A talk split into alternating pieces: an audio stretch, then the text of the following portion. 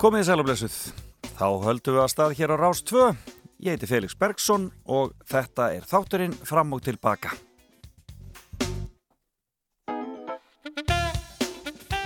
Algjörlega dásamlegur morgun hér í höfuborginni þennan morgunin.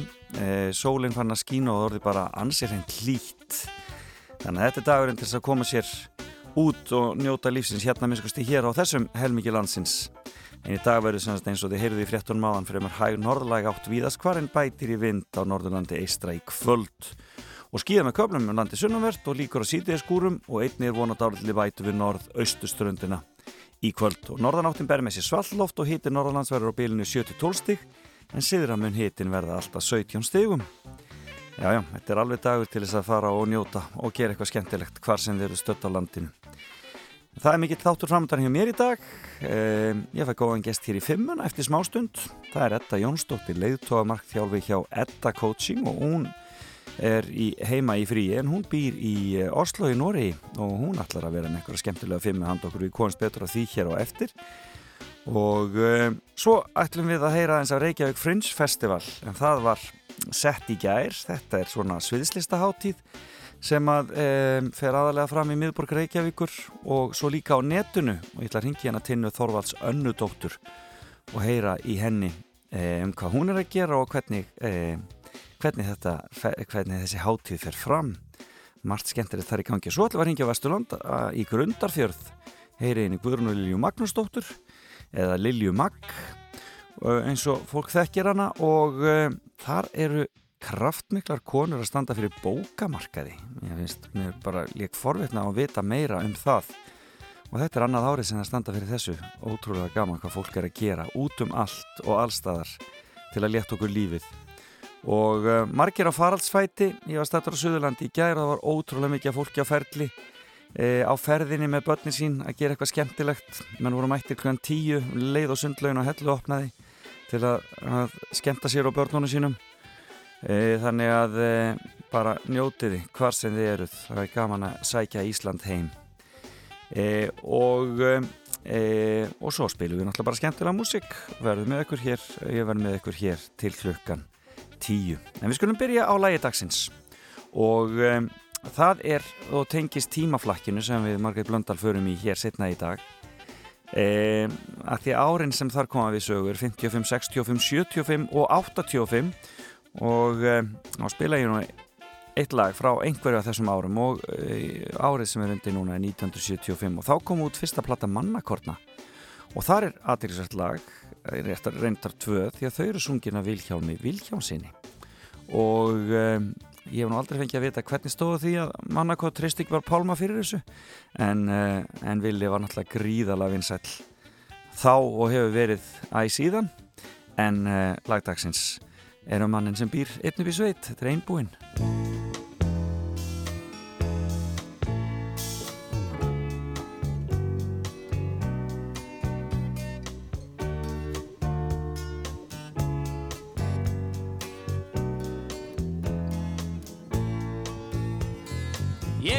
Sveit, á beit og sannlegar kýr út á túni Sumar sól heit, senn vermir nú reit, en samt má ég bíl eftir frunni. Traktorinn minn, reyðhesturinn, hundur á daldið af hænum. Kraftaverk eitt, til orskæti leitt, írlega mei burt úr bænum. Veturinn er, erfiður mér, Svo anskoti fótgaldur stundum. Ég sæi þig, ger eins og mig þér törnar á hundum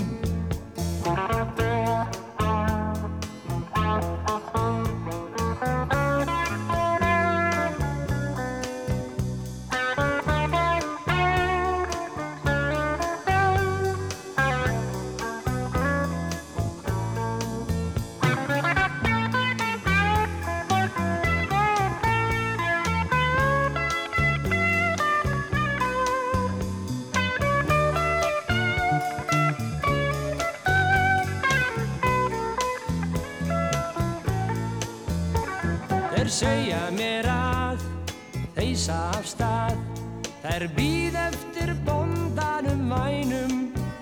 Ég hef reynd að veit Guð En það er sko puð Að þræða all húsin í bænum. Og ég bý í sveit Á söðfjö á beit Og sælegar kýr út á túni. Sumar sól heit Senn vermir nú reit En samt má ég býð eftir frúnni. Ó, sól heit Senn vermir nú reit En samt má ég býð eftir frúnni. Ó, sumar sól heit Senn vermir nú reit En samt má ég býð eftir frúnni. Ó, sumar sól heit Senn vermir nú reit En samt má ég býð eftir frúnni. Já, sumarsól heit vermir þennan ljúfa reit hjá einbúanum en hann má samt ennþá býða til frúnni. Þetta er klassíst skrítið og skemmtilegt lag frá mannakortnum sungið af Vilavil frá 1975 og þið fáið að heyra miklu meira af skemmtilegri músik. Það var svo mikið gefið út af skemmtilegri íslenskri músik árið 1975 var það til dæmis að ræða spilurk þjóðuna og stuðmenn hérna á þessum tíma en um, svo bara eitthvað sé nefnt það var alveg ótrúlega mikið í gangi og ég held að þetta komi allt við sögu í tímaflakki með Bergson og Blöndal hljana þeirri í dag. En heyrum nýja lægið með nýtönsk það er örlagagarnið. Þeir eru alltaf fundvísir á eitthvað skemmtilegt. Og svo byrjum við þetta Jónsdóttir að rappa uh, og heyrum fimmuna hennar hér eftir þetta lag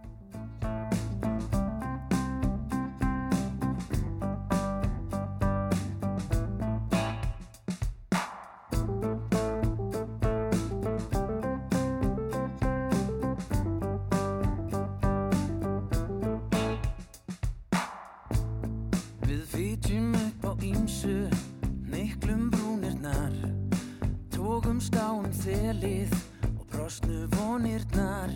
Spinnum saman þræði, skjöllum nornirnar. Tvinnum okkar sálir í varðarvoðirnar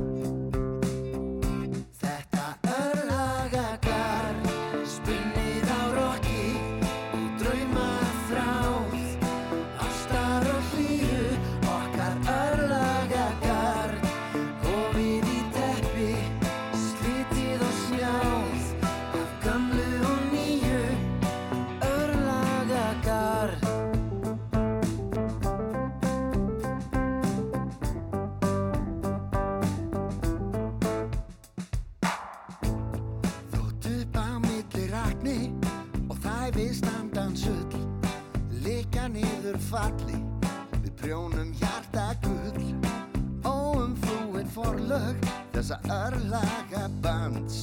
Sýnast léttu bröðin eða runnin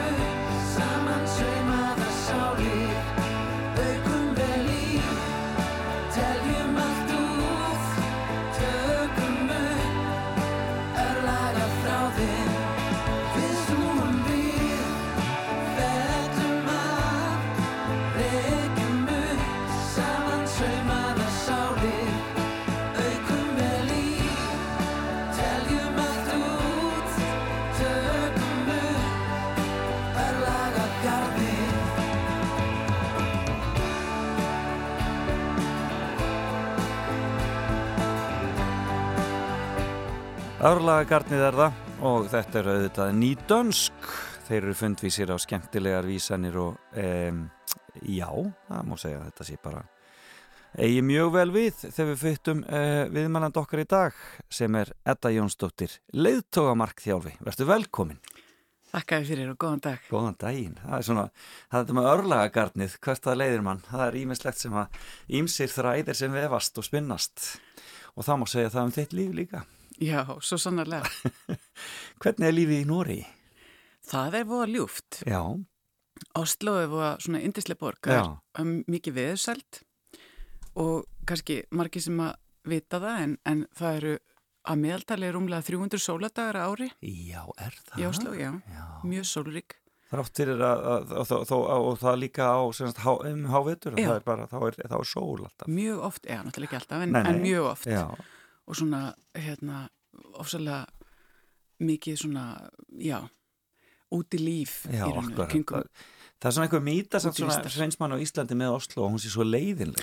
Já, það er svona lífsef mýta á Íslandi en, en ég get ekki verið sammálið eftir Nei. að vera hérna í þessi sjö ár. já, akkurat. Mér finnst það ofsalega lífleg og skemmtileg borg Já. og svona fjölbreytt og það eru svona ólík hverfi líka.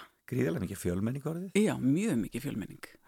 Og við búum hérna eh, ekkit langt frá bryggjunni, hérna Akabryggi Mm og það er búið að gera núna svona útvistarsvæðið mitt fyrir fjölskyldur og það er þetta að fara unni sjóin þar og, Já, akkurat. og mikið af kaffehúsum og er hægt að fara í sjóurinn og Akabrygge. Já.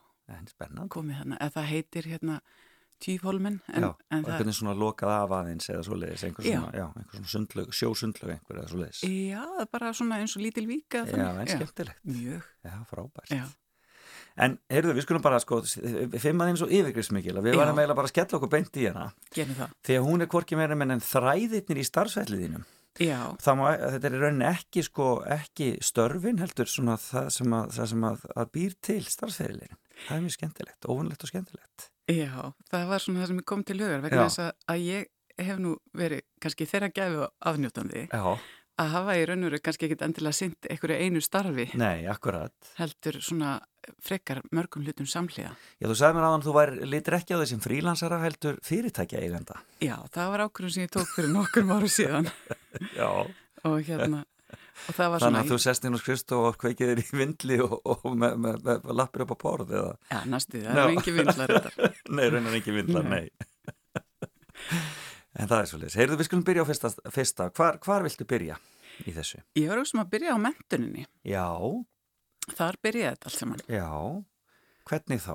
Það var bara þannig að, hérna, að ég, ég svona líti á, ég er svona til þessari svona kannski má segja fyrstu kynslu sem að hefur virkilegt val þegar kemur að mentun Já. og við hefum aðgangar námslanum og gátum virkilega valið okkur nám Já. Og á þessum tíma var hérna líka að byrja, meina ég var í, í hérna bakalornámi í- við Háskóla Íslands að þá var að byrja líka þetta Erasmus-program. Akkurat, möguleikarnir að fara annað og skuttlast bara, svona Já. skreppa og fá aðeins tilfinningu fyrir öðru menningarheimum. sem að hendaði mér mjög vel Já, og hérna, og ég var eina fyrstu sem að fór í Já. svona Erasmus-program og það var mjög skemmtilegt. byrju hvert fórstu? Þá fór ég til Bologna háskóla, sem er talin elsti háskóli heimi. En hvað varst að læra þá þarna á þessum tíma? Þá var ég í, ég tók hérna sagt bakalárpróf á, í, í ítölsku og fjölmilafræði Já, á sínum tíma. já, já, blandaði því saman. Já, Og þá ítölsku við Háskóla Íslands? við háskóli Íslands, já, Já. og fór það þarna í, í til Bologna Já, og það var mjög skemmtilegt, var þarna í fjölmjölafræði dildinni þar sem að, hérna þar sem að, eða það var svona eiginlega, kannski má segja, svona miðlunadelt aldrei, þar sem hann kendi nú meðal annars Umberto Eco. já, sem skrifaði hennar brósarinnar. Já, ég var nú reyndar aldrei í tíma í honum, ég mætti hann minn svona á, gangi hana í háskólakvarinu. Já, algjörlega starfströkk. Alveg, ég náðu ekki að koma upp einu auk, aukatöfnu orði, spóla aftur tilbaka oft í þetta. Já, akkurat. ó, akkur sagði ég ekki. Já, akkurat, eitthvað rosalega gáð. Já, akkurat. En, En, en, við horfumst í augu. Já, þetta, já, Já, það hefur verið gott það moment. var það. Hann, hann mann öruglega eftir þessu. Já, byggilega. Já. ég vona það. En var ekki ljúft að vera í Ítalíu? Það var indislegt. Mjög gaman og, og svona skemmtilegur, hérna, þetta er svona háskólaborg og, og það er hérna líka tveir bandarískir háskólar með aðsetur, þannig að það er mjög mikið menn, menningar og svona nefndalíf. Já. og Bologna-búar eru þá vanir, má segja, að taka móti alþjóðlega nefnum, þannig að þeir taka mjög alvarlega. Já. Þannig að það er sko ekki eins og í mörgum öðrum borgum á Ítali þar sem að fólk svaraði gertnan á ennsku þar sem að ef þú talar eitthvað bjagað en Já. Ítalinir í Bologna það er, er bara svara á ítörsku og hjálpa þér Já. kenna þeim að þeirra á markaðin og þeirra kenna manni já þetta þarf þetta að prófa núr þetta hérna Þetta er tíminn. Ástíðin og- já, akkurat. já, bara skemmtilegt. kenna manni að laga alls konar rétti á mörkunum og svona mér fannst þetta indislegu tími Og ferð að nýta síðan þessi, þessar mentun þá í, í þau störf sem á eftir koma. Já, ég, hérna, það var á þessum tíma, þá var, hérna, gerðan haft samband við nefndi sem var í fjölmjölafræðin og við fengum verkefni. Já. Þannig ég byrjaði nú bara að vinna, hérna, við að skrifa meðan ég var í háskólanum Já. og, hérna, ætlaði nú valla að hafa tíma til þess að klára þetta nám og þetta námi. En, hérna, en átti nú síðan fund með, hérna, Margreti Jónsdóttur sem er nú núna rektor á Bifröst Akkurat. og hún sagði við mig, já, nú er bara komið tími til að þú ljúkir þessar bíaritgerð Já, það, og það, hún hefur verið í tilskunni eða þá. Já, þú, hún var yfir sko þarna skor rómanskra mála. Já, akkurat. Spænsku kennari sjálf. Akkurat, þannig að hérna, og hún bara sagði mér að það væri mjög góð hugmynd, Já. ljúka þessu. Og það gerður Og ég tók ákvörðinu, ég ætla að sitta frá 8 mótnana til 12 á minnati, Já. þánga til ég kláraði hana og það voru 30 dagar. Og þú stóðst í Ég það. var byrjuð sko, þannig. Já, já, það Vel hljómar eins og meira árið, en Vel gert. það voru 30 dagar. Mána, mánaða marathón. Þetta var þannig. Já, vel gert. Svo lög ég þessu. Og hvað fórst að gera þá? En þá fór ég svona að vinna daldið mitt Já. við skrifin og svona í, hérna kom svona tildulega upp eftir að, að ég lög þessu námi kom ég hérna til Rásarei, Já, akkurat. vann hérna við dagskrákjær Einmitt. og var hérna með annar fótinn daldið mörg ár, Einmitt. þótti það mjög skemmtilegt. Já. En heldur alltaf bara beint áfram í námi eða hvað? Er, er það Nei, svona? nei, þá vann ég svona svolítið, nok já, Já. nokkur ár og, Já. og svo fór ég hérna aftur í sama háskóla í- til Bologna. Já, já. Það er vist alltaf algengt að fólk fari í- sem er Erasmusnemi og fer síðan aftur í sama háskóla í Einmitt. framhaldsnam. Þá er náttúrulega minningarnar svo ljúvar og góðar að... Já, Já. allt svona Allt, allt í rósröðum bjarma, já. og þá fór ég í hérna, sem sagt, svona nám á meistrastígi Mhm. í hérna, það er aðeins öðru kerfi hjá þeim í Bologna og hérna ég lög þar í mannréttindafræðin, Já. svona þverfræðilegu námi En skemmtilegt. og það nýtti ég svo mjög vel hérna í dagskargerðinni ég fjallaði mikið um mannréttindamál og, svona alþjóðamál og þannig að það kom, kom sér mjög vel Já. og var mjög svona já, ég myndi segja að það veri mjög hagnýtt Mm. Ítalir framalega í svona? Já, svona þeirra sín og daldið skemmtileg fannst Já. mér oft og, og, hérna, og þetta var í, í stjórnmálfræðideild Já. og samstarmilli nokkura deilda þannig að það kom hérna nýjum mitt sagfræðin líka og, og lögfræðin þetta Já.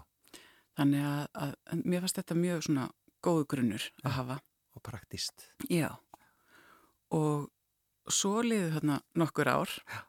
og hérna ég var svona já með annan fótinn í dagskargerðinu og svona í verkefnastjórnun og einu öðru og svo fór ég í hérna markþjálunana Já, já, já, já. svona þegar að Og það er það sem þú ert að nýta í dag. það er það sem ég er að nýta í dag og, og það, hérna, ég tók það í, í fjarnámi Mm við ástralskan skóla Já. sem er svona talin með fremri skólum og um, Og er það masterskráðu líka eða hvað? Nei, það er ekki háskóla gráða í Nei, sjálfu sér en, en þetta er svona já, svona fagnám má segja. En fóstu til Ástralíu þá? Nei, þetta var algjörlega kent í, í fjarnami Þannig að þú er aldrei komið þarna? í aldrei kom sko? til Ástralíu en, en það er engin, það er bara skrifstof heima hjá Já, uppbyggilega fólkinu sem er ekkurinn á skóli, ég held að sé þannig akkurat. og þá kynnist ég svona inn í þennan heim Já. og fer kannski svona svolítið að lifa í þessum svona netheimi má segja Já. sem að hérna, þannig að þú veist síðan þá er ég auðvitað búin að vera að vinna sem markþáli svo lengi, þannig að þetta er alveg tíu ár Já. þannig að lífið það breytist ekki tvolega mikið hjá mér í COVID sko. Þetta er svona svolítið bara minn veruleiki já, akkurat. Að Að vera bara e- eitthvað starf, já, þú getur settið í rauninni hvar sem er. já, já, bara með þessu- tölvu og, og og hernantólin Já, og í rauninni. Og, hva, og hvað ertu þá í rauninni bara aðstofa þá sem að er að reyka fyrirtæki að, að fókusera orku sinni eða svo leiðis? Hvað, hvað er þetta markþjálfa? Já, ég er mikið í því sko, mikið að vinna með, með fólki sem að er hérna í fyr, fyrirtækjarækstri Já. Og svo hef ég aldrei verið með líka svona leiðtugum og ég er að vinna fyrir nokkur af stærstu fyrirtækjum hér á Íslandi Já, já, og svo nokkur svona minni líka Já. og svo eru alltaf einstaklinga líka sem eru þó að vinna hjá stofnunum og fyrirtækjum. Og sérðu árangur? Já, alveg heldur betur og, og það er líka aldrei gaman, það eru svo margi hjá mér sem að er búin að hjá mér í mörg ár. Já. Það er mjög mikið forrættindi. Akkurat. Þannig að þá fylgi, fylgjumst við að. já, já, hvernig var vikan? Já, Var þetta að fara í gegnum það. Já, Skemmtilegt, þannig að þetta er svona, já, er svona þró, mikil þróun frábært. og skemmtilegt. En þú reist ekki þarna við sitja.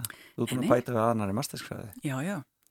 Það er svo skemmtilegt líka því að ég, ég hugsaði sko, já, ég er svo mikið að vinna með fólki í atvinnlínu og ég er nú ekki meina viðskiptamyndun, hann er best að fara bæta við sig gráðu í, í viðskiptanámi og ég var nú stött í, í Berlín í, í ferðalagi með fullt af vinafólki svolítið að hérna og ég kunni svo vel við mig, ég hef nú komið eitthvað áður en það var eitthvað svo góður andi Já. og hérna, svo ég ákvaða að aðtókvort ég fyndi ekki eitthvað spendi námi í Berlín Já. og viti menn, ég fann hérna, mjög skemmtilegt spennandi nám í ábyrgri stjórnun Já, já, já. og hóf það nám svona, það, það er með, með sagt, þú getur unnið að hérna, samhliða vinnu Já, og ég hérna, hóf þar nám 2017 Já. Og það var nú sennilega félagsvísindarlegasta viðskiptanám á byggðu bóli ég er að hlæja mikið að já því þjóðverðinir eru nú góðir í. Já, Sko. ég ætlaði að fara í, í viðskiptanám en það, það var svona mjög Mjög já. Þannig að það var uh, mikil áhersla á, á siðfræðina, viðskiptarsiðfræðina Skemmtilegt. og prófessorinn sem er yfir Og svona ábyrgð svona almennt. Já, já. mjög mikil, mikla pælingar um einmitt ábyrg, hvað Mhm. er ábyrg Mhm. og, og einmitt, og þú veist ekki út frá skilgreiningunni, akkurat. heldur svona heimsbyggilega pælingar og En skemmtilegt. mjög skemmtilegt. Og hvað er þetta kent þá? Ertu, ertu þá komin á því í þýskuna þá eða hvað þarna? í Nei, það, já, ég reyndar tók nú námski samlega í, Ja. í þýskunni en, Ja. en þetta var í lótunámi, kenti Ja, lótunámi, þannig Ok. ég ferðast þannig bara rúmu klukkutími frá Oslo til Berlinar Akkurat. og þetta var svona bara eins og að taka rútuna leiku, Báðar borgir svona austarlega, þannig að það er ekkert nála skuttlast. bara beinlína. Beinlína niður, já. Þannig að ég fór þarna uh, í sagt svona lótur, það var kent alveg svona vikulótur, Já, mjög alþjóðlegt nám, fólk allstæðar að á heiminu og svo voru tveir svona fjarnámskursar, eða sem sagt tvö fjarnámsnámskeið á, net, á netinu. og þetta ertu búin að klára. Þess- Þessu lauki núna í janúar, Þetta er mikið með það, en það, skemmtilegt. það var vörnana rétt fyrir hérna COVID, þannig ég rétt slapp. Þannig að þú ert að sapna þér gráðunum alveg bara eins Já, og... já, nú er ég bara fann að sapna. Eins og, og, og Stefnaði að veggfóra bara með, hérna, Já, með með háskóla gráðunum. áskulagraðanum á veggina. Nei, ég segi það nú í gríni. En er þetta ekki, er þetta ekki, eh, er þetta ekki hérna eh, svona stressvaldandi að vera að taka þessi, þetta nám með allra þessari vinnu? Mér finnst þetta rosalega gaman. Já, akkurat. Og ég held þetta sé sko að þetta tala um sko hérna svona að þessar ákveðin lífstil þegar svona þessi sífælda þekkingaleit Já, að sko bæta við sig og ég held að það sé mjög merk, sko, mikilvægt fyrir þá sem er að vinna í svona störfum eins og markþjálun Já. að það var lögð mikil áslag þetta í mínu námi í, í Ástralíu að við værum í þessari sífældu þekkingaleit, Mm. Já. við verðum, við meðum ekki staðna nei, akkurat. við verðum alltaf eins og einhvers að vera kortinu undan viðskiptavinnunum Já, akkurat. við verðum alltaf að vera búin að, að sko afla okkur þessara nýju þekkingar sem er og auðvitað þegar maður er að vinna með fólki sem er í, eru stjórnendur og, og þetta er ábyrð, maður verður að taka alvarlega Já.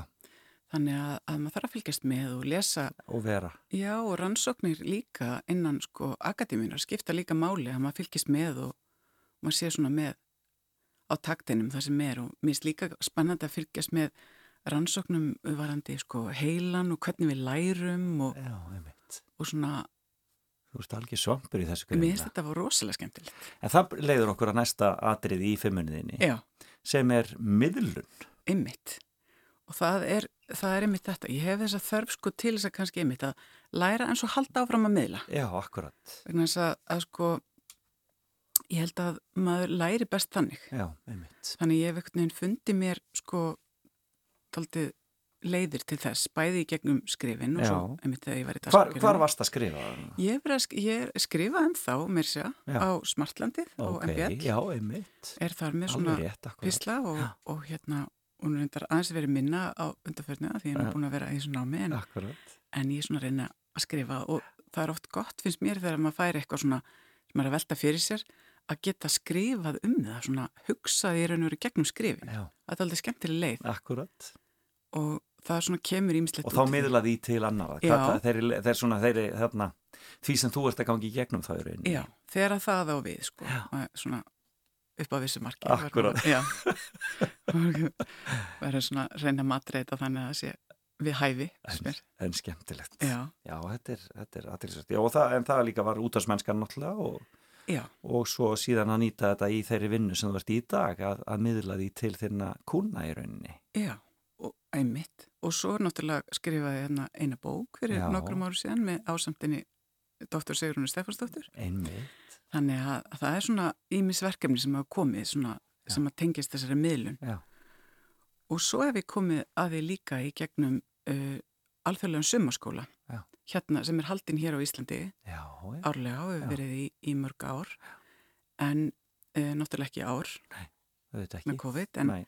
en það er mjög skemmtilegt við höfum hérna, vinn vin það verkefni í, í félagi við nokkra aðra Býtu, hvað er sá skóli haldin? Er það... hann er haldinn bara út um allan það er svona, það- er við það- erum á, á ferðalagi bara með í hérna um, en við höfum semst, verið að, að hólum í Hjaltadal við Mhm. háskólan þar í, í þá nokkra daga með Mhm. nefndurna til að byrja með en við erum með sagt, tökum á móti nefndum frá bandarískum háskólum Já, skemmtilegt. mjög skemmtilegt Þeir koma, þeir koma ekki til Íslands í sumar, Koma það er alveg á hreinu. Nei, Ha. en það verður bara meira spennandi þá næsta ári Heyrði já, þannig að við erum komið með mentun og miðlunna. Já, Og hvað er það þriðja, uh, hvað, þriðji þráðurinn? þriði þráðurinn er að spyrja spurninga Ég- en, en tengist það ekki bara eiginlega, eiginlega er það ekki bara alveg ná, er það ekki bara, bara bæði mentun og miðlun þannig að Jú, hvað? en sko ástæðan fyrir mig langar að nefna það Já. er svo að sko ég hef alltaf verið alveg svakalega forvitin Já,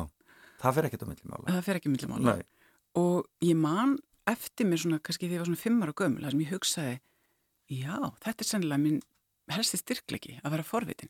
Já, skildi ég geta unni við það? Það er skemmtilegt. og, og ég man þú veist að eins og í skóla að þú veist ég var alltaf mjög spurul. Já. og þú veist það var oft sko já, maður var ofta að trubla því maður var alltaf að spurja og hérna því miður finnst mér þetta ennþá að vera svolítið svona Já, að vera að segja krökkum í skólum Já. að þau séu að trubla þegar þau eru að spyrja og þess vegna langaði með nefna þetta með að spyrja spurninga akkurat. af því að ég hef svo sannlega gert þetta að minni Já, að spyrja spurninga bæði náttúrulega í markþálunni sem byggir á því að spyrja spurninga og einni í dagskrukerinni og, og svo rannsóknum, rannsóknum og kjenslu akkurat. En ég aðeins sko, Amerikaninni, þeir, þeir leggja svo mikla áherslu á það að, að sko, að menn sé að uh, í, í kjensluríminu sé, sé umræður, að það sé allir að tjá sig. á meðan við hér í rauninni eh, fáum bara rétt upp hönd einu sinni í tíma og spyrja eitthvað ef við skiljum ekki eitthvað og kennarinn útskýrða það fyrir okkur. Er það ekki svolítið þannig? Já, sko ég, náttúrulega, nú er þetta aldrei síðan ég hef verið í skóla á Íslandi. Já, akkurat, að, en, en mér finnst þetta allavega bara gott fyrir alla að hafa þetta í huga. Akkurat að sko, þeir sem eru spurilir þeir eru oft líka kannski hafa oft kannski aðra sín og sérstaklega sko þegar börnin annars vegar. Já. að við pössum okkur á því að við séum ekki að sko að skamma þau fyrir þetta. Heldur frekar að rækta vegna þess að ég myndi segja að veist, þetta eru leiðtóðar í, í þjálfun sko, börnin sem spyrja spurningar þetta eru leiðtóðar framtíðar Þetta er leitt á framtíðarinnar. Og við þurfum það í heiminum bara Akkurat. út af þessum breytingum sem við erum að fara í gegnum og þá þurfum við fólk sem að spyr spurninga og, velti forvitið, steinum. já, já, og þorir að sjá hlutina frá öðru sjónarni Þetta er briljant Heyrðu, Edda Jónsdóttir, við skulum taka okkur smá pásu Já, og heyra eitt lag og svo höldum við áfram að rappa.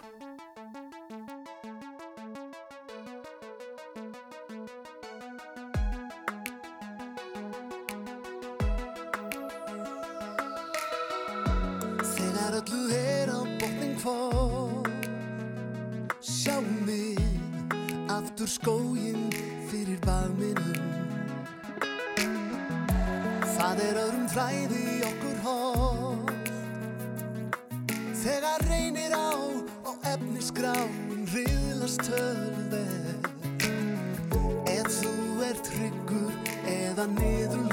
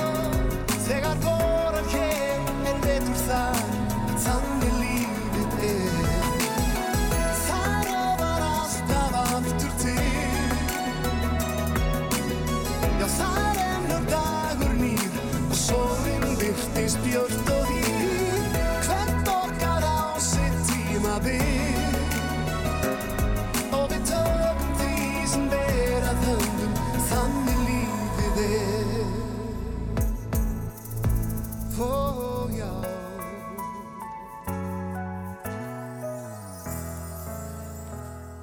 Ó já, sagði Stefán Helmarsson það rofar alltaf aftur til. Dagur nýr, þetta er fallegt lag frá Steppa nýja lagið hans. Og uh, hún setur hérna hjá mér, hún Edda Jónsdóttir leiðtóamarkþjálfi hjá eigin fyrirtæki, Edda Coaching. Og uh, við erum búin að vera að tala um svona þræðina í starfsferlinum. Og við erum búin að tala um mentunina, við erum búin að tala um miðlun og mikilvægi hennar við erum búin að tala um það að mikilvægi þess að spyrja spurninga og við erum konar að fjóruða þræðinum í þessum ferliðínum Hvar, hvert viltu fara þá, Edda? Já, það eru samskiptin. Já.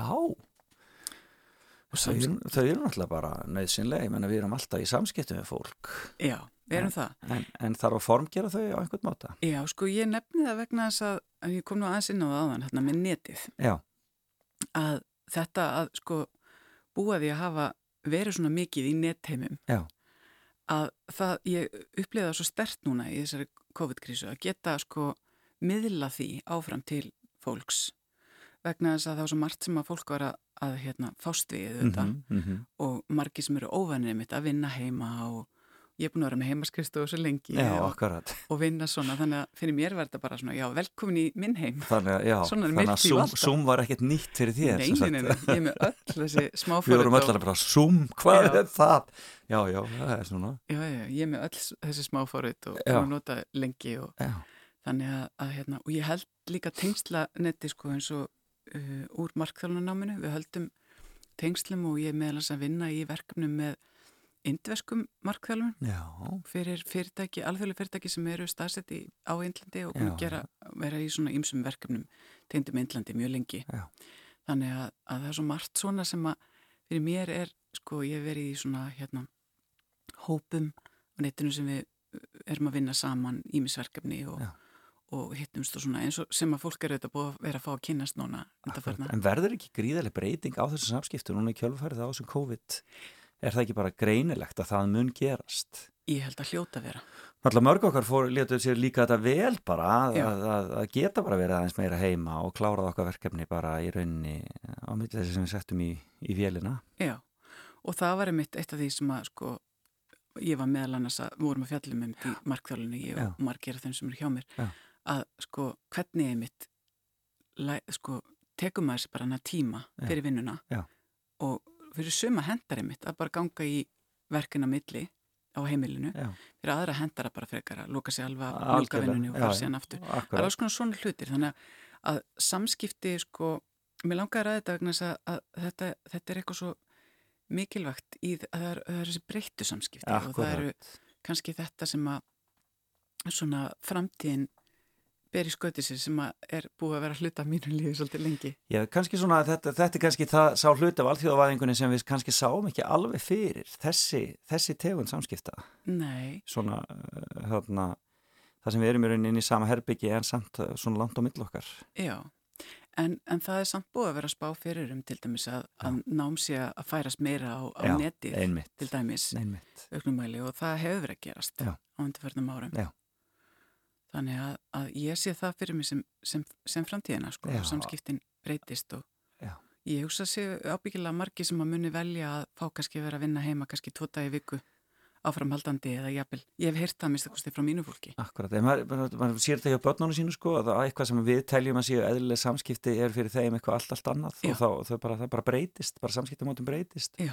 og maður á svo erfitt með að dæma það sem eitthvað verra eða betra en skilur það er bara þeirra leið, hún er önnur en okkar allt öðru sér svolítið aðtilsvert sko Já.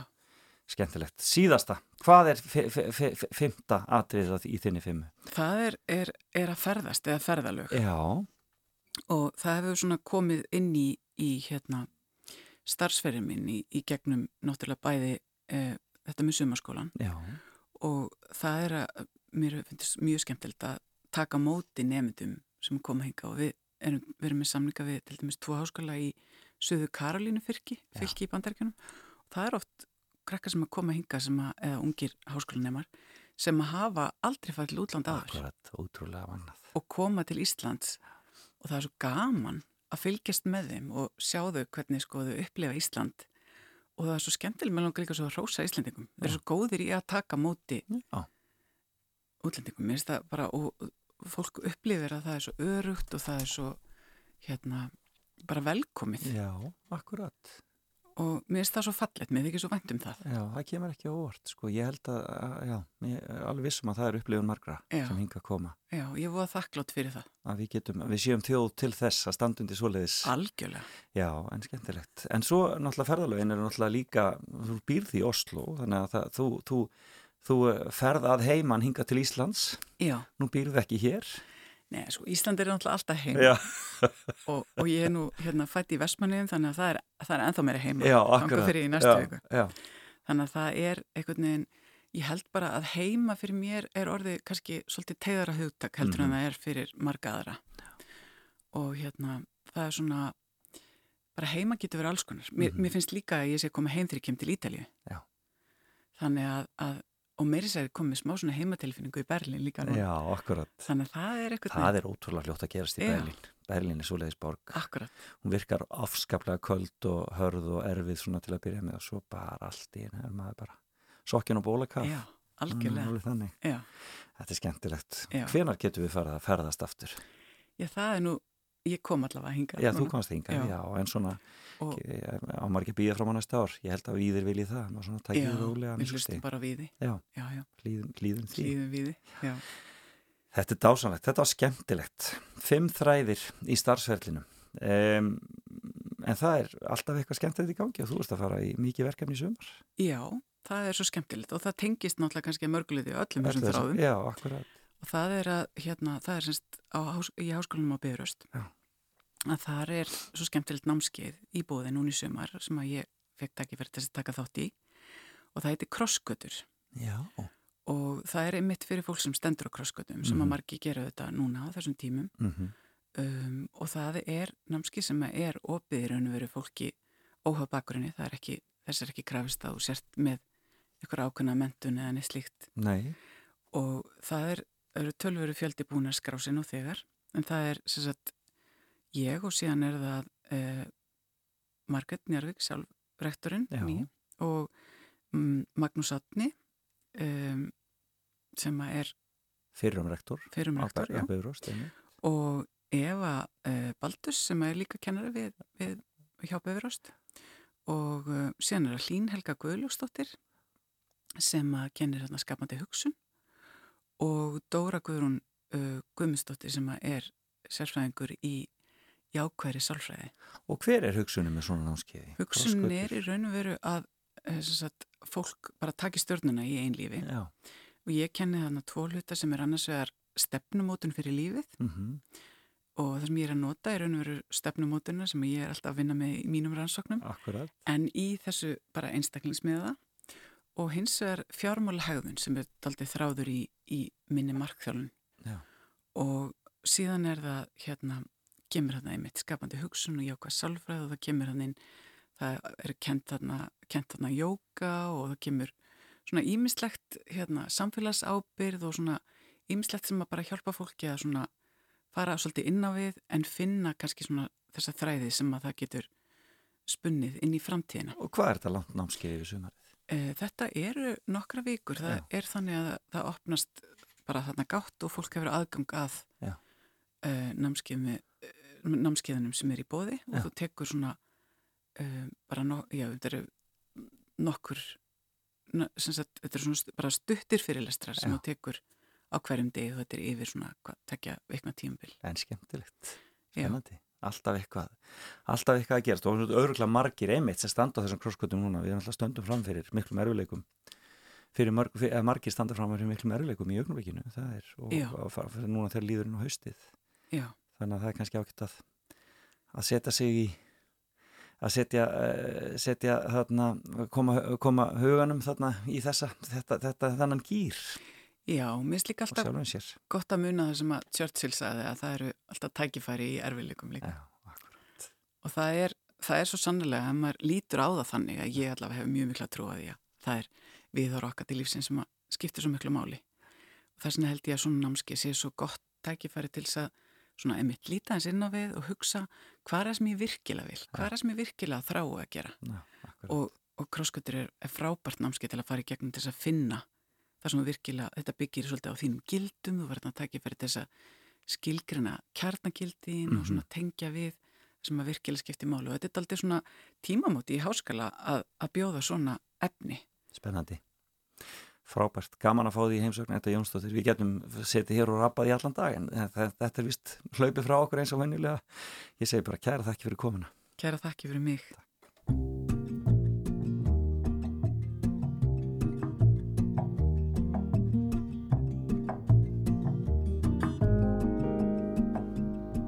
Sunrise, sunrise, looks like morning in your eyes, but the clock's held 9:15 Sunrise, sunrise, couldn't tempt us if it tried, 'cause the afternoon's already come and gone. And I said, Ooh.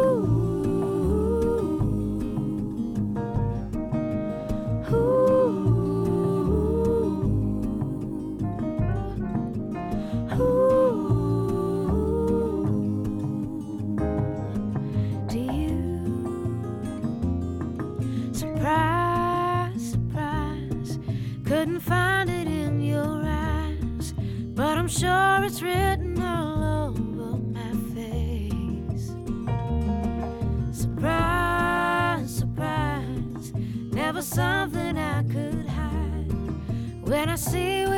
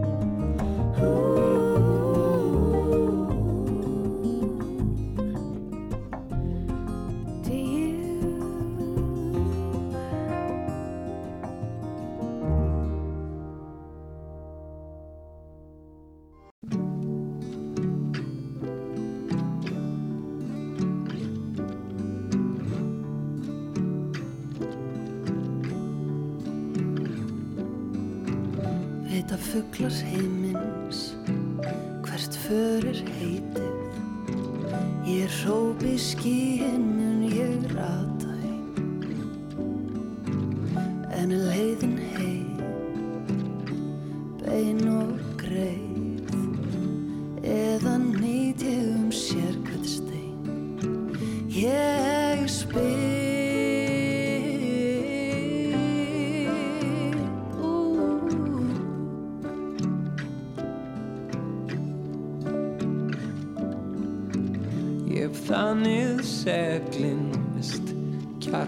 Næsta lof Þá hefur hlátur þinn oft bjargað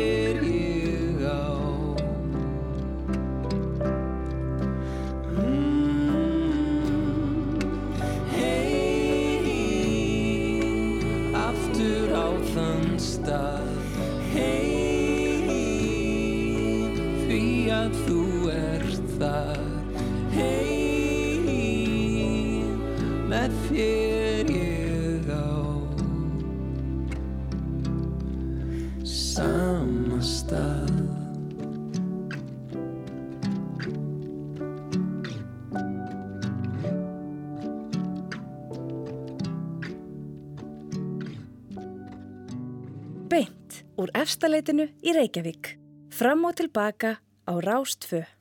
Já, þið eru að hlusta á fram og tilbaka og um, hún er farin frá mér, hún Edda Jónsdóttir sem satt hérna og fór í gegnum fimmuna sína, fimm þræði í starfsferlinum og um, þræðirnir voru mentunin sem hún hefur aldeilis synd vel, miðlun, það að spyrja spurninga samskiptin sem hafa tekið náttúrulega gríðalum breytingum á þessum tíma sem hún er búin að vera e, e, í sínum að, að vinna og svo ferðalögin sem að skipta svo miklu máli. Og þetta er sanns leiðtóa markþjálfi og um, það er verðt að, að mæla með því að skoða hvað hún er að gera og þetta spennandi krossgötu námskeið sem þau eru að bjóða upp á hjá Bifröst. En e, hér eftir e, nýju fréttinnar þá ætla ég að heyra af skemmtilegum verkefni sem fólk er að vinna við um land.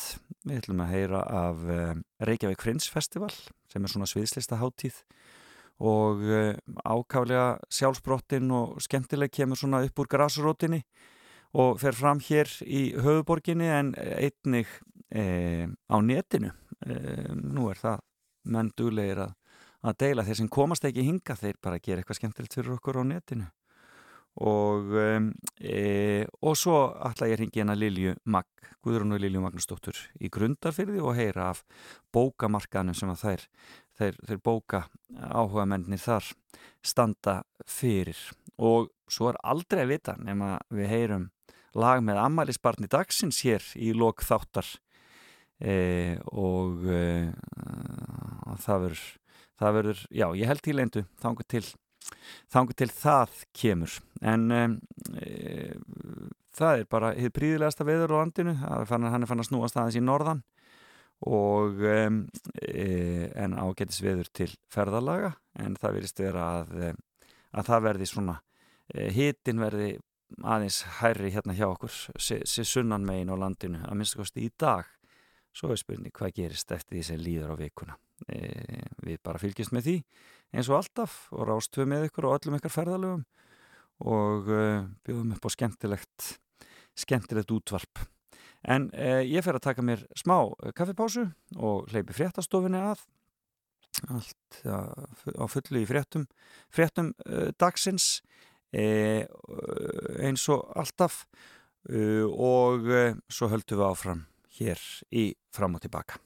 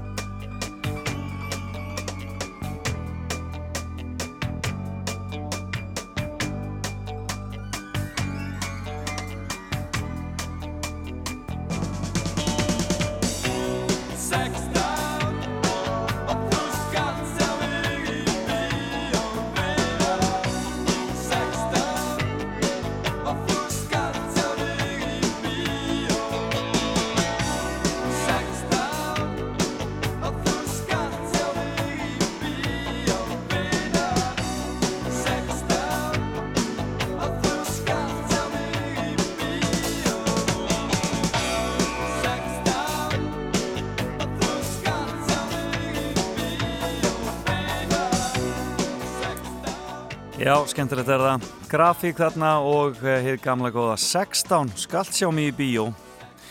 Það e, e, var alltaf allt bannað en að 16 hérna í gala þetta. E, þeir eru að hlusta fram og tilbaka. Þetta er Ástvögi, ég heiti Felix Bergsson, ætla að vera með kvöldu klokkan 10 í dag. Og dásanlega morgun hér í höfuborginni og vonandi hjá ykkur sem flestum og kaffi í botlanum og eða te eða eitthvað gott eða bara havragrautur, alltaf gott á sunnutugum. En það er skemmtileg grein á BBC um, um já hún heitir í rauninni átta hlutir sem að, eða átta atriði í uh, Eurovision kvikmynd Will Ferrell sem þeir uh, klikkuð á sem er, eru rángir.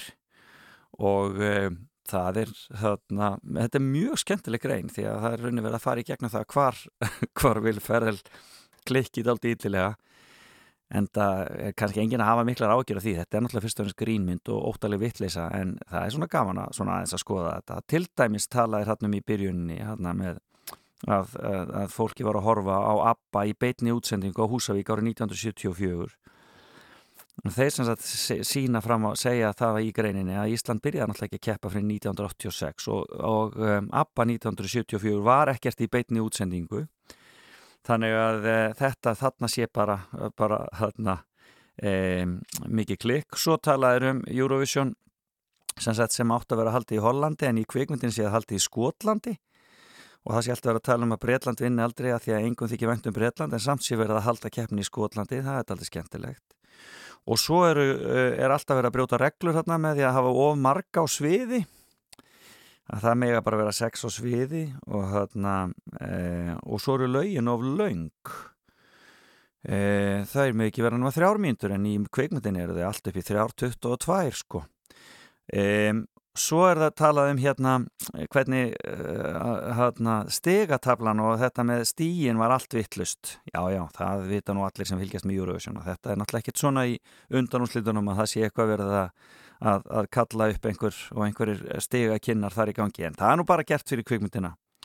Og þarna e, og svo talaði líka um hvernig stegi Íslands í þarna spennu uh, senunni þegar það er að koma í ljós hvort við komast í úslitin e, að það sé allt í alveg tótal ruggli Þetta er mjög skemmtilegt. Síðan er þarna í sjötti hlutunni sem er nefna, það er að Edinborg sé ekki eins og Edinborg í þeirri, hérna e, þeirri mynd sem að, að hún sé í dag. Þetta sé einhver, einhver, einhver ímynduð Edinborg sem þið séum í, í kvikmyndinni.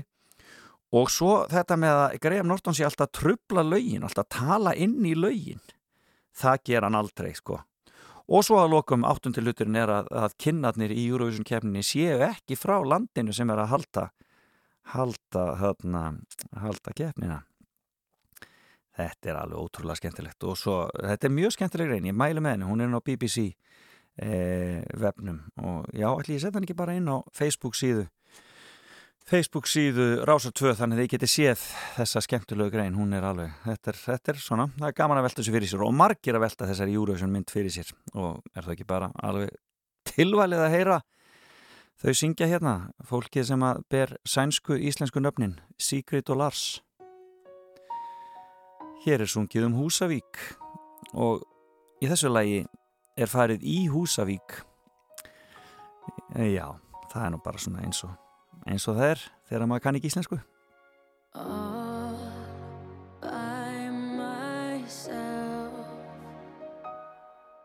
With this great big world before me But it's all for someone else I've tried and tried again to let you know just where my heart is, to tell the truth and not pretend. All I needed was to get away, just to realize that I was meant to stay. Where the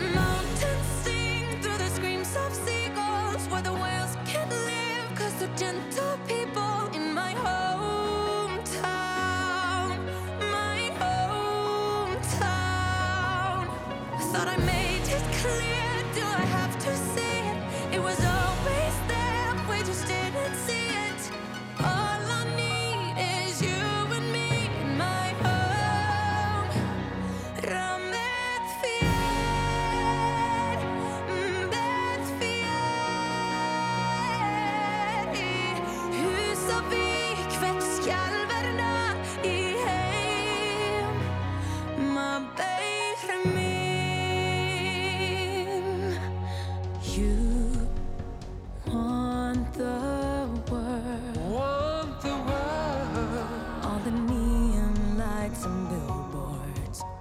seen and to be heard.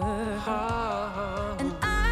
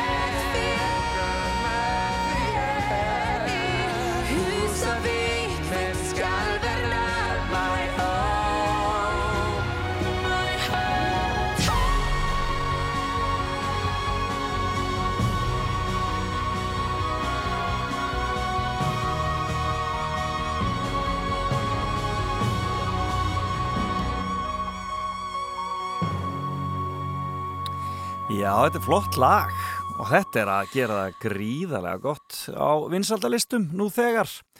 Husavík, my hometown, með þér í Husavík á skjálfanda. þetta gæti bara ekki betra verið. Ég mæli með að fólk tekja á, á þessari frábæru, já, eh, kannski finnst ekki öllum og frábæri en þessari skemmtilegu mynd.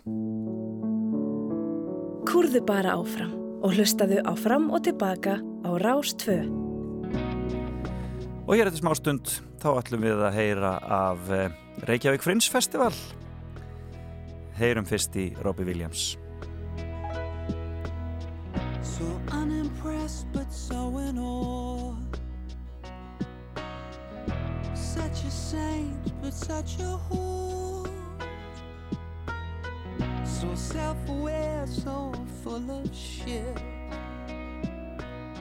So indecisive, so adamant. I'll contemplate and thinking about thinking. It's overrated, just get another drink and watch me come undone. They're selling razor blades and mirrors in the street.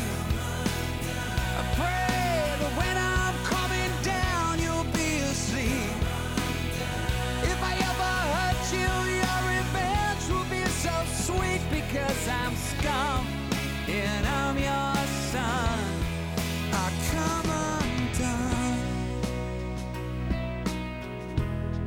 I come undone.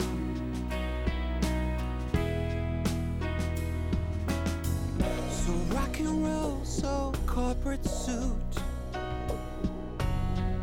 So damn ugly, so damn cute. So well trained, so animal. So need your love, so fuck you all. I'm not scared of dying, I just don't want to. If I stop lying, I just disappoint you.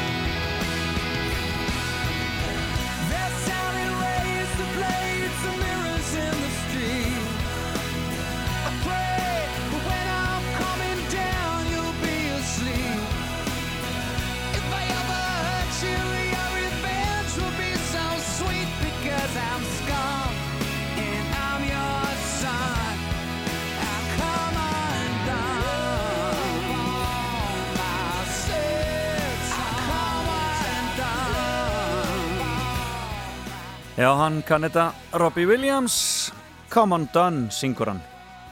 Og þá er hann komin í síman til mín hún Tinna Þorvalds önnudóttir. Og ég segi bara góðan og blessaðan daginn. Góðan daginn. komin með kaffi í bollan og að fara að njóta góða viðsins í höfuborginni Já, já, sitja hérna útsinni við resjuna að drekka, drekka morgun kaffis. Já, akkurat. Heru, þetta er, En þetta er mikill tími hjá þér þessa dagana þetta Reykjavík Fringe Festival. Hvað, hvað er þetta að taka þátt í mörgum verkefnum hana? Sko, ég er sjálf að taka þátt í tveimur Já, og svo er ég svona aðstöða við önnur líka bara svona vera til staðar og hengja upp, taka móti gestum og svo fræðis. en skemmtilegt. En, hérna, já, já. En þetta er, sagt- þetta er svona, svona, þetta er svona algjör grassrót er það ekki, þessi háttíð Jú, og svona, og, en þetta er svona meðalveg svona, hvað segir maður, eh, já, þetta er svona jaðarlista hátíð náttúrulega, en þetta er Auðvitað. svolítið sveigjanlegt, uh, sveigjanlegt, uh, hvað segir maður, orð, að það geti rauninni líka, það hefur líka alveg verið bara frekar hefðbundnir leiklestrar Já, til dæmis. Já, en, uh, en svo líka alveg uh, performansar sem að það er drag og burlesk já og alveg og alveg að sem sagt bara tildulega hefðinni leik, leik Leikhúsi, leiklist. já, akkurat. Já, Og þetta er svona, þetta er svona, er ekki inspirasjónin er Fringe Festivalið í Edinborg á Edinborgafestivalin, eða ekki? Það er svona, svona, svona, allt það sem allt Jú. gengur einhvern veginn. Já, jú, einmitt. Og það er hérna, það er kannski það er svona frægasta, svo er náttúrulega Friends Festival bara út um allan heim og, og mér skilst að þetta sé bara eitt af örfáum sem eru raunverulega hérna, hafa farið í gang sko Já, út af ástandinu. Það eru svo mörg sem hafa bara verið sem hefur bara verið kansilað sko. Já, verið, já, hefur verið og hérna en þetta er alþjóðleir hérna listamenn sem að ætluðu að koma eru margir náttúrulega með bara streymi. Já, en svo lokal listamenn eru með hérna já, eru með sín verk bara á sviði og já Og hvar eru sviðin svona helst? það er tjarnabíó Já, og hardrock kaffi já, og um, svo er uh, hérna myndlistarsýning í Gallery Fold og það er líka hérna er líka sviðsverk þrísvar í næstu viku sem er svona einsetning eða það er einsetning eftir Báru Haldursdóttir og hún er með uh, með svona hérna lífandi, lífandi sjó þar þrísvar í næstu viku. Og svo er það Hlemmur Square sem er svona svolítið lokal hátíðarinnar. Já, akkurat og hefur, líka hefur verið eiginlega frá byrjun eða ekki, eða hvað ekki? Jú. já, hátíðinu er mjög gott samband við við hérna Hlemm Square. Já. og það er einmitt myndlistasýning og það er, það er annað, annað verkefnana sem að ég tek þátt í er að, er að ég tek þátt í myndlistasýningunni sem er þar. Einmitt. það er, Hvernig, byrju, hvernig er það, virkar það? Er það svona, er það svona leikin myndlistasýning eða? Nei, það er enda bara það eru bara myndlistasýningar Já, ok. þetta er bara, þetta er náttúrulega aðalega performance þetta er aðalega leiklistarháttíð og eða svona performance háttíð Já. um, og svo er svona myndlist svona með Já, akkurat, þetta er bara- frábært. fólk mætir og hlem skver og er að horfa á streymi frá hérna elendum listamannum og, og, og sér frá myndlist í leðinni. Þetta hljómar alveg hrikalega skemmtilega. Ert þú, mentu leikona sjálf? Já, ég mætti leikuna og, og, uh, og eftir leiklistina þá fór ég uh, í söngnum, þannig ég er líka mætti söng. Já, já, já, já. Já, Þannig að þetta er, og það náttúrulega er svo, orðið svo ótrúlega mikið af fólki sem er með þessa mentun og þennan bakgrunn sem að er einmitt að láta ljósitt skína á hátíð sem þessari. já, algjörlega, það er hérna og, svo að hinn sýningin sem ég tek þátt í er, um, er uh, svona vídeoverk einmitt sem að Ok, var þetta er leiksýning í videoformi maður hérna COVID lætur mann hugsa eins út fyrir kassan einmitt. það sem að ein okkar býr við, sem leikópurinn heitir Spindrift ein okkar býr í Finnlandi. Þannig að við ákváðum að búa til videoverk úr efninu. Já, Eh, það heitir Them og verður sínt í, í Tjarnabíói 11. það er bara, já þá er ég búin að plöka það. Briljant, já, bara absolutt, skella sér, skella sér í tjarnabíu og, og njóta þess. En hvernig er með dagskrána? Maður er ekki bara best að, hvað nálgast maður hana best og svona til þess að, þetta er, þetta er svo mikið kraðak, þetta er svo mikið að sýningu, svo mikið í gangi. Já, Hvernig svona færum maður mest? Ég sá í kvöld til dæmis að vera að sína brotur verkum eh, inn á Hard Rock Café. Er sniðut að mæta þanga og svona fá aðeins bara svona nasa þegar? já, það eru bara hver hópur með örfáða mínútur Já, að grípa, til að grípa aðtegli fjöldan. já, mögulega áhorfenda. Já, mögulega áhörunda og hérna og segja frá sínu verki. Já, og algjörlega það er eiginlega langt best að mæta þangað maður fá tilfinningu fyrir fyrir því hvað skrýpur mann já, og hvað mann langar að gera. Svo náttúrulega frábært í svona festivalum bara að, að gefa sér sko bara tíman ef maður mögulega getur að bara eitthvað svona gefa sig festivalin á vald og bara sjá ímislegt sem maður myndi annars oft ekki sjá akkurat. eða sem að maður myndi kannski ekki já, fara eins út fyrir kassan og, og hérna og, og kynnast ymsu sem að maður svona drægi eða burlesk eitthvað svona sem að og það er alls fullt af uppistandi Já. Secret Cellar maður hefur hérna gaman að því Já. það er bara, það verður algjört veistla Þetta Kannski hljómar, þetta hljómar gríðarlega vel og ég hvet bara fólk til þess að tekka á þessu bæð á Facebook og á netun almennt og, og já, og reykjavíkfrind reykjavíkfrind.is rfkfrind.is þar er allt prógramið. Briljant. Þannig að- Ég bara segi Tinna eh, Þorvalds Önnudóttir, njóttu bara þessara daga, þessara, þessara viku sem framöndan er, þetta verður mikið hlaup Já, Og ég hlakka hérna- mikið til, þetta er, já, það vona, var ótrúlega skemmtilegt. og ég vona fólk skelli sér í miðborg Reykjavíkur og njóti með ykkur. Kærar þakki fyrir að segja Já. okkur frá Reykjavík Friends Festival. Bara takk fyrir, Takk. takk, fyrir að ringja. Takk kærlega, bless, bless. Bless, bless. bless. Já, við mælum með þessu Reykjavík Friends Festival í borginni þessa dagana.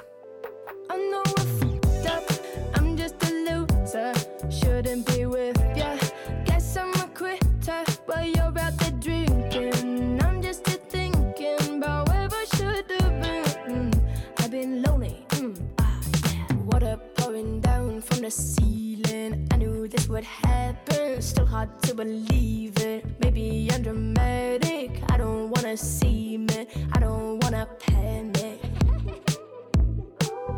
I'm a sad girl in this big world. It's a mad world. All of my friends know it's heaven. You're a bad thing.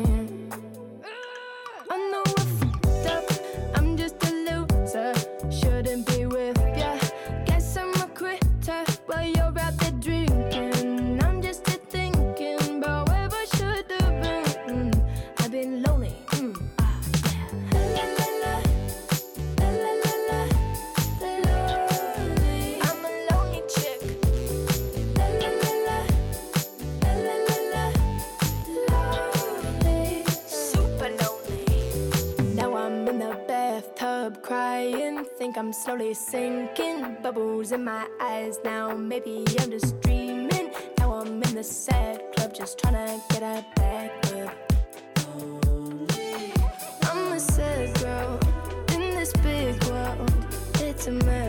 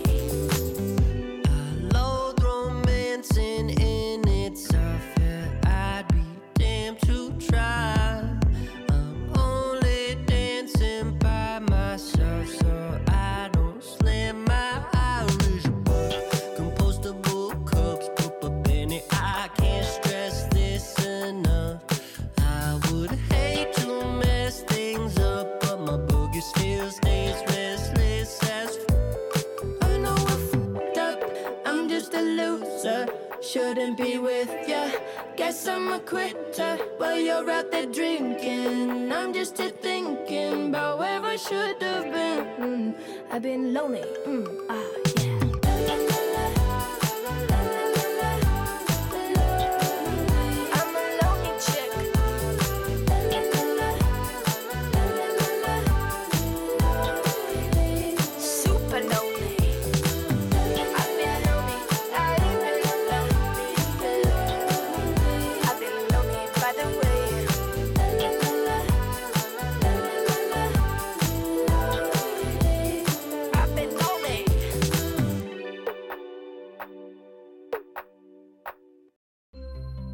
komin á fætur.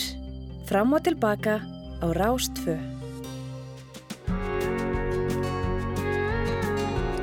Já, þeir eru hlustur Rástfö. Þetta er þátturinn fram og tilbaka og eftir smástund ætla ég að ringja í Grundarfjörð. Já, við erum ekkert að eh, eh, uh, verðsannast með frettækjetunni í dag. Hún er komin í smá sumafrí. Nákvæm til í, já, ágúst september eitthvað svolítið. Hérna er First Aid Kit.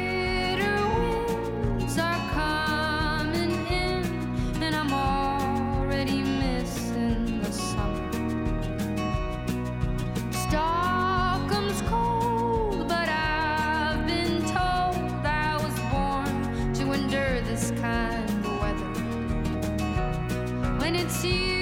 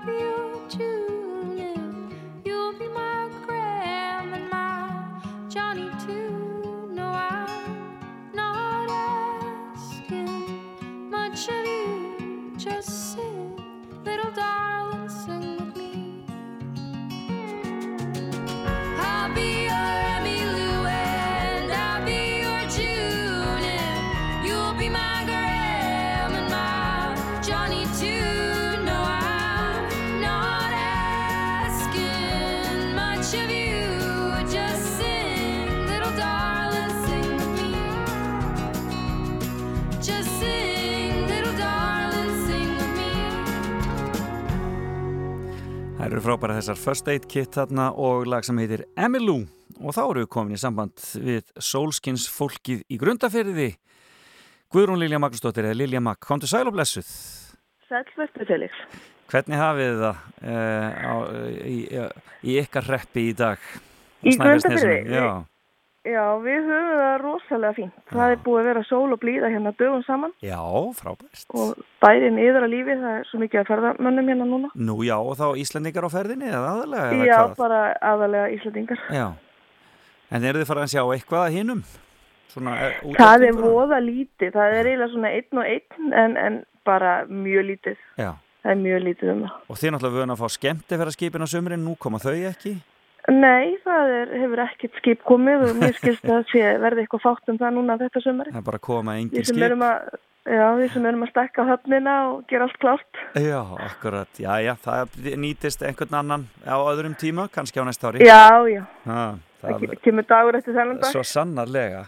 Heyrðu, en þú ert, eh, hvað, er, ertu búin að búa í, í grundafyrði í fimm ár, segir mér? Herði, já, ég flutti í Grundafjörð fyrir uh, tæpum fimm árum síðan Já. og, Og- hérna og upphaflega var nú bara planið að vera í eitt ár Já, en ég er hérna enn. já, og, og líður vel. Já, þetta er dásamlegt. Kúra hérna undir fjallinu, það er bara dásamlegt. Akkurat. En, en, en, hva, en þetta með að stopna lesop, hvað, hvað, eh, hvað ítt er að staða út í það? Herði, ég var í lesóp fyrir mörgum árum síðan Já. og hef alltaf haft alveg ótrúlega gaman að því að lesa. Já. Og svo lendi ég í lesóp eiginlega bara svona óvart fyrir mörgum árum hérna sem að hún Anna Jónsdóttir sem að sér um konubókustofu og Eirabakka, hún bauð mér í lesóp. Já. Og eftir það var eiginlega mín lestrar upplifun á allt öðru sko stíi því að það er eitt að lesa bók en það er annað að lesa bók og fá svo að tala um hana við ykkur. Já, og, og svo flutti ég hingað og það fyrsta sem ég gerði eiginlega hér var að stopna minn eigin leshóp. Mm og við vorum nú bara þrjár og fjórar í upphafi sko og hittustum alltaf með reglulegu millibili og, og rættum einhverja bók og svona og þetta var voða kósi hjá okkur. En svo fjölgaði í hópnum og núna eru við orðnar 15 konur að staðaldri sem að hittust um reglulega alltaf einu sinni mánuði og ræðum þá bók sem að hefur verið lesin Já. og þetta er alveg ótrúlega gaman. Við förum á veitikastað og fáum okkur eitthvað gott að borða og, Já. og svo er þ- þrefað um bókina alveg hæri vinstri og En, en þegar þetta eru svona margir, er 15 manns, það er ekki að skipulega geta svolítið vel, þannig að allir geti sig og svoleiðis. Það það nefnilega að stjórna þessu Já. og það fá allir sinn tíma Já. og við erum með tvær reglur í hóknum. Það er annars vegar svo að, að við þegjum á meðan að hinn talar, eh, reynum það að mista kosti og það hefur nú gengið bara nokkuð vel. Já. Og svo er hinn reglan svo að við lesum ekki æfisugur. Já. Við erum nefnilega það ungar ennþá, við erum ekki komnar á æfisugu aldur. Já, hérna hér, já, það er ágætt. Hver, hvað á maður að vera gamall ef maður er komin á æfisugu aldurinn? Ég, ég held að ég verði aldrei það komið.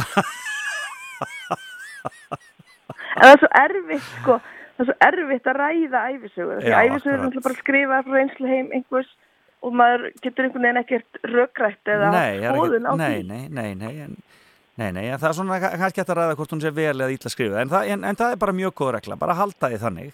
Já, já, þetta er bara mjög skemmtilegt. En við gerum svo sem meira en að, að hérna lesa bækur. Því að við erum náttúrulega allar, allar alveg svakalega mikinn áhuga á lestri og, og bókum og svona lestrar menningu og það er margir kennarar í þessum hóp og Já. sjálf sé ég um skólabókasafni í grunnskólanum. Mm Þannig að við erum að reyna að óta þessum bókum allstar þar sem við getum og við höfum verið að gera alls konar skemmtilegt. Við erum með jólabókakynningu fyrir jólinn þar sem við fáum bækur og kynnum nýjustu útgáðu í- hjá forlugunum og Það er sniðut, allir til að vera með í því. já, það er bara hefnast, hefur hefnast rosalega vel Já. og við erum, sem sagt, get- létum gera svona lestragrip sem við gáum grunnskólanum og, og það er, hann er veittur hverju á hverju ára á skólaslitunum, fær einhver bekkur hann til afhendingar yfir veturinn sem hefur skarað fram úr í lestri, eitthvað svona aðeins umfram en það sem kennararnir leggja upp með sko. Skemmtilegt. Og núna, annað árið í röð, erum við með bókamarkað í grundafyrði. Svona yfir sumarið, já. Já, byrjum í lók júni Já, og það er pínu saga að segja frá því því að við letum útbúa fyrir okkur skilti og það stendur á því 28. júni klukkan 12 Já. opnaði heimsfrægu bókamarkaður í grundafyrði já, þannig að við opnum alltaf bara núna 28. júni klukkan 12 af því að það stendur á skiltinu það stendur á skiltinu, ég bara þetta er briljant. og hérna Og er bara með marka- opið um helgar Og hvar er markaðurinn? Hann er hérna í grundafyrði á borgarbraut nr. 2. Við köllum þetta verkalýshúsið, verkalýsýbúðin, af því að verkalýsfélagi var hérna mörg ár með skrifstofu.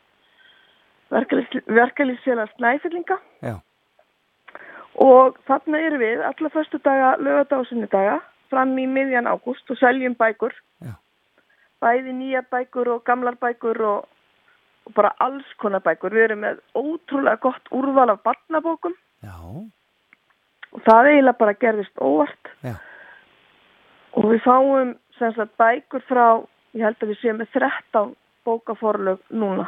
þetta bara hljómar algjörlega briljant. Og eru menn að koma annar staðar að til þess að koma á bókamarkaðin ykkar? Já, ég til dæmis í gær, þá komu tvær konur bara sérferður Reykjavík til þess að kaupa bækur hjá mér. Já. Og hérna, það, þetta bara er, þetta er spurst út og fólki finnst þetta skemmtilegt. Þetta er svona fjölbreytni yfir mitt sumar. Og við erum eins og ég segi, við erum náttúrulega svo margar að við erum duglegar að vera þarna og skiptast á þannig að þetta er ekki á herðum einhvers eins að sjá um þetta. Einmitt. Svo ef það verður einhver ágóði, þá höfum við reynd að kaupa eitthvað í okkar nær umhverfi. Síðast fengu eldri borgararnir eða eldri borgarafélagið grundafyrði að njóta þessu kiptum bækur og gáum þeim. Já, frábært. Af því við erum náttúrulega bara að þessu af hugssjón og, og gefum alla okkar vinnu. Og finnið þið áhugin á lestri ekst við svona átök og svona skemmtileg heitt? Já, veistu, ég er ekki frá því. Já, Og umræðan er náttúrulega miklu meiri í kringum svona hóp. já, akkurat. og við finnum alveg fyrir því að, að svona, að því við höfum eins og þú segir, 15 konir í lesóp það er orðið ansið mikið ef Já. allir eiga að fá að segja sitt. Þannig að við getum í raunin ekki verið mikið fleiri. Nei, og það er oft spurt sko lost, þeir ekki að losna ploss hjá okkur? Já, þið eru bara stofna aðra hópa, það er bara svo leiðis. Já, Það er um það er nefnilega málið, það er ekkert mál að stopna að hópa það, ég veit um einn í, í Ólasvíkja og Heftilsandi Frábært, sem að var stopnaður út frá þessum sem við erum með briljant. Algjörlega briljant. Þannig að þetta er, ég hvet bara fólk til þess að koma í grundafjörð og vestla bækur. Við fórum Já. með stóran bíl á Selfoss og fengum fordbækur frá Bjarnar Herðarsinni. Já, hann klikkar ekki. Þannig að það er hægt að gramsa í gömlum skræðum og svo er hægt að kaupa nýja skræður og svo er kaff á konnunni og, og kirkjufellið og allt saman. Sko þetta er bara einslegt. Dásamlegt, ég vissum að fólk á eftir að flykkjast til ykkar í kjölfarað þessu. Er það ekki? Ég held það. Svo er alls konar uppákomi. Við fáum rítuvenda til að lesa upp og það hafa verið tónleikar og alls konar hjá okkur sem er í kringum þennan markað. Og hvernig finnir maður þetta? Getur maður að tjekkað á ykkur á Facebook eða eitthvað svoleiðis? Við Er erum á Facebook. Já, við erum á Instagram, við erum ekki með dasgrá Nei. en við setjum alltaf inn svona ívendi og upplýsingar í hvert skipti sem eitthvað dúkar upp hjá okkur. Frábært. Og bara opið um helgar.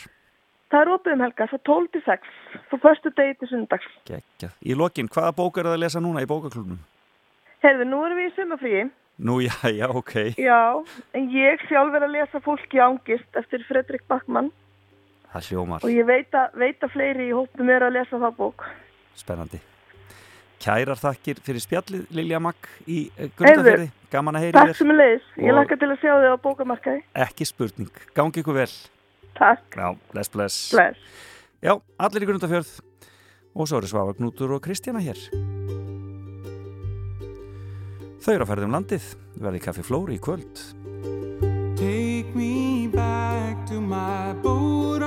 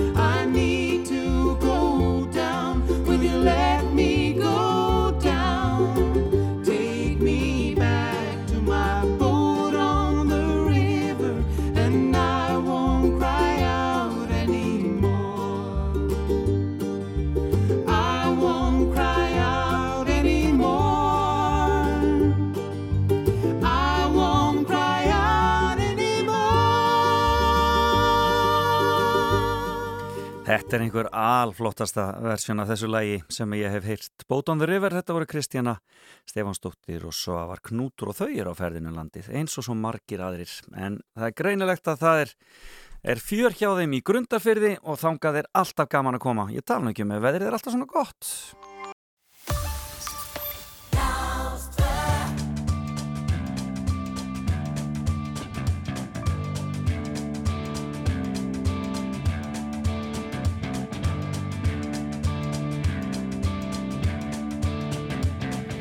face is a map of the world.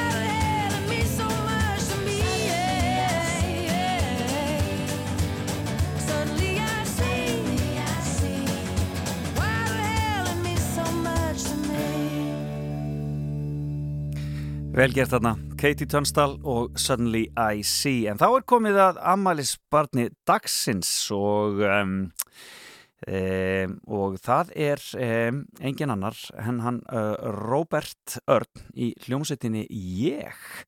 Uh, hann á Amal í dag, Robert Örn Hjáltínsson og hann er náttúrulega algjör algjör snillingur, engin eins og hann gerir bara algjörlega sitt eigið og, um, alltaf, og oft á tíðum allt öðruvís en allir aðrir og svona poppið einhvern veginn tekið á aðra staði. Og hann gerir stórkostlega fyrir nokkrum árum sem að mér langar að rifja upp hér. Já það er bara frábært. Tegur skot og skorar mark, þetta er Eður Smári Guðjónsson. Til hamingi með amalið Robert Örn Hjálmtísson tegur skot og skorar mark. Skeitin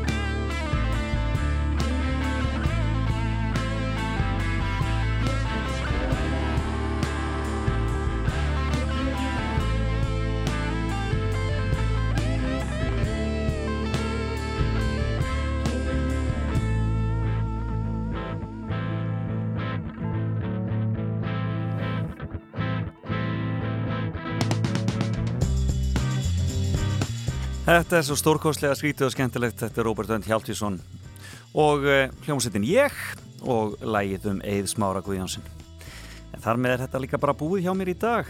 Búið að vera dásanlegt að sitja hér með ykkur eins og alla daga hér alla sunnudaga hér á Rástvö Gestur minn í morgun, Edda Jónsdóttir fór með mér í gegnum fimmuna sína sem voru þræðinir í hennar starfsferli og svo hringdum við bæði í Grundarfjörð og í miðborg Reykjavíkur heyrðum að Reykjavík Fringe Festival og eh, bókamarkaði í Grundarfjörði Njótiði dagsins hvar sem þið eruð hlakka til að heyra ykkur og sjá fljótlega, við skulum enda þetta með læginu sem átt að keppa fyrir rússa í eh, Eurovision í ár.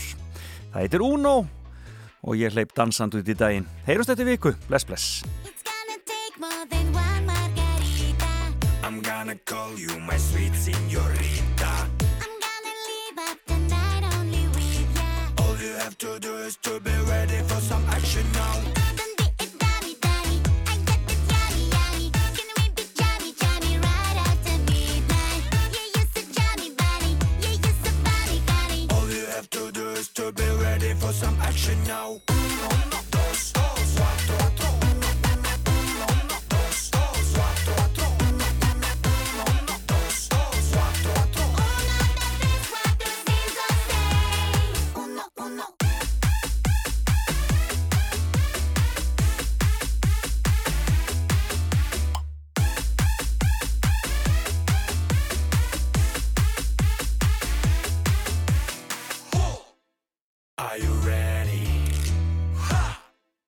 Hold it steady.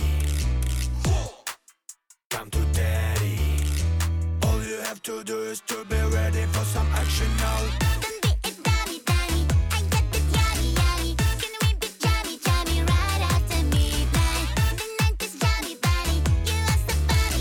All you have to do is to be ready for some action now.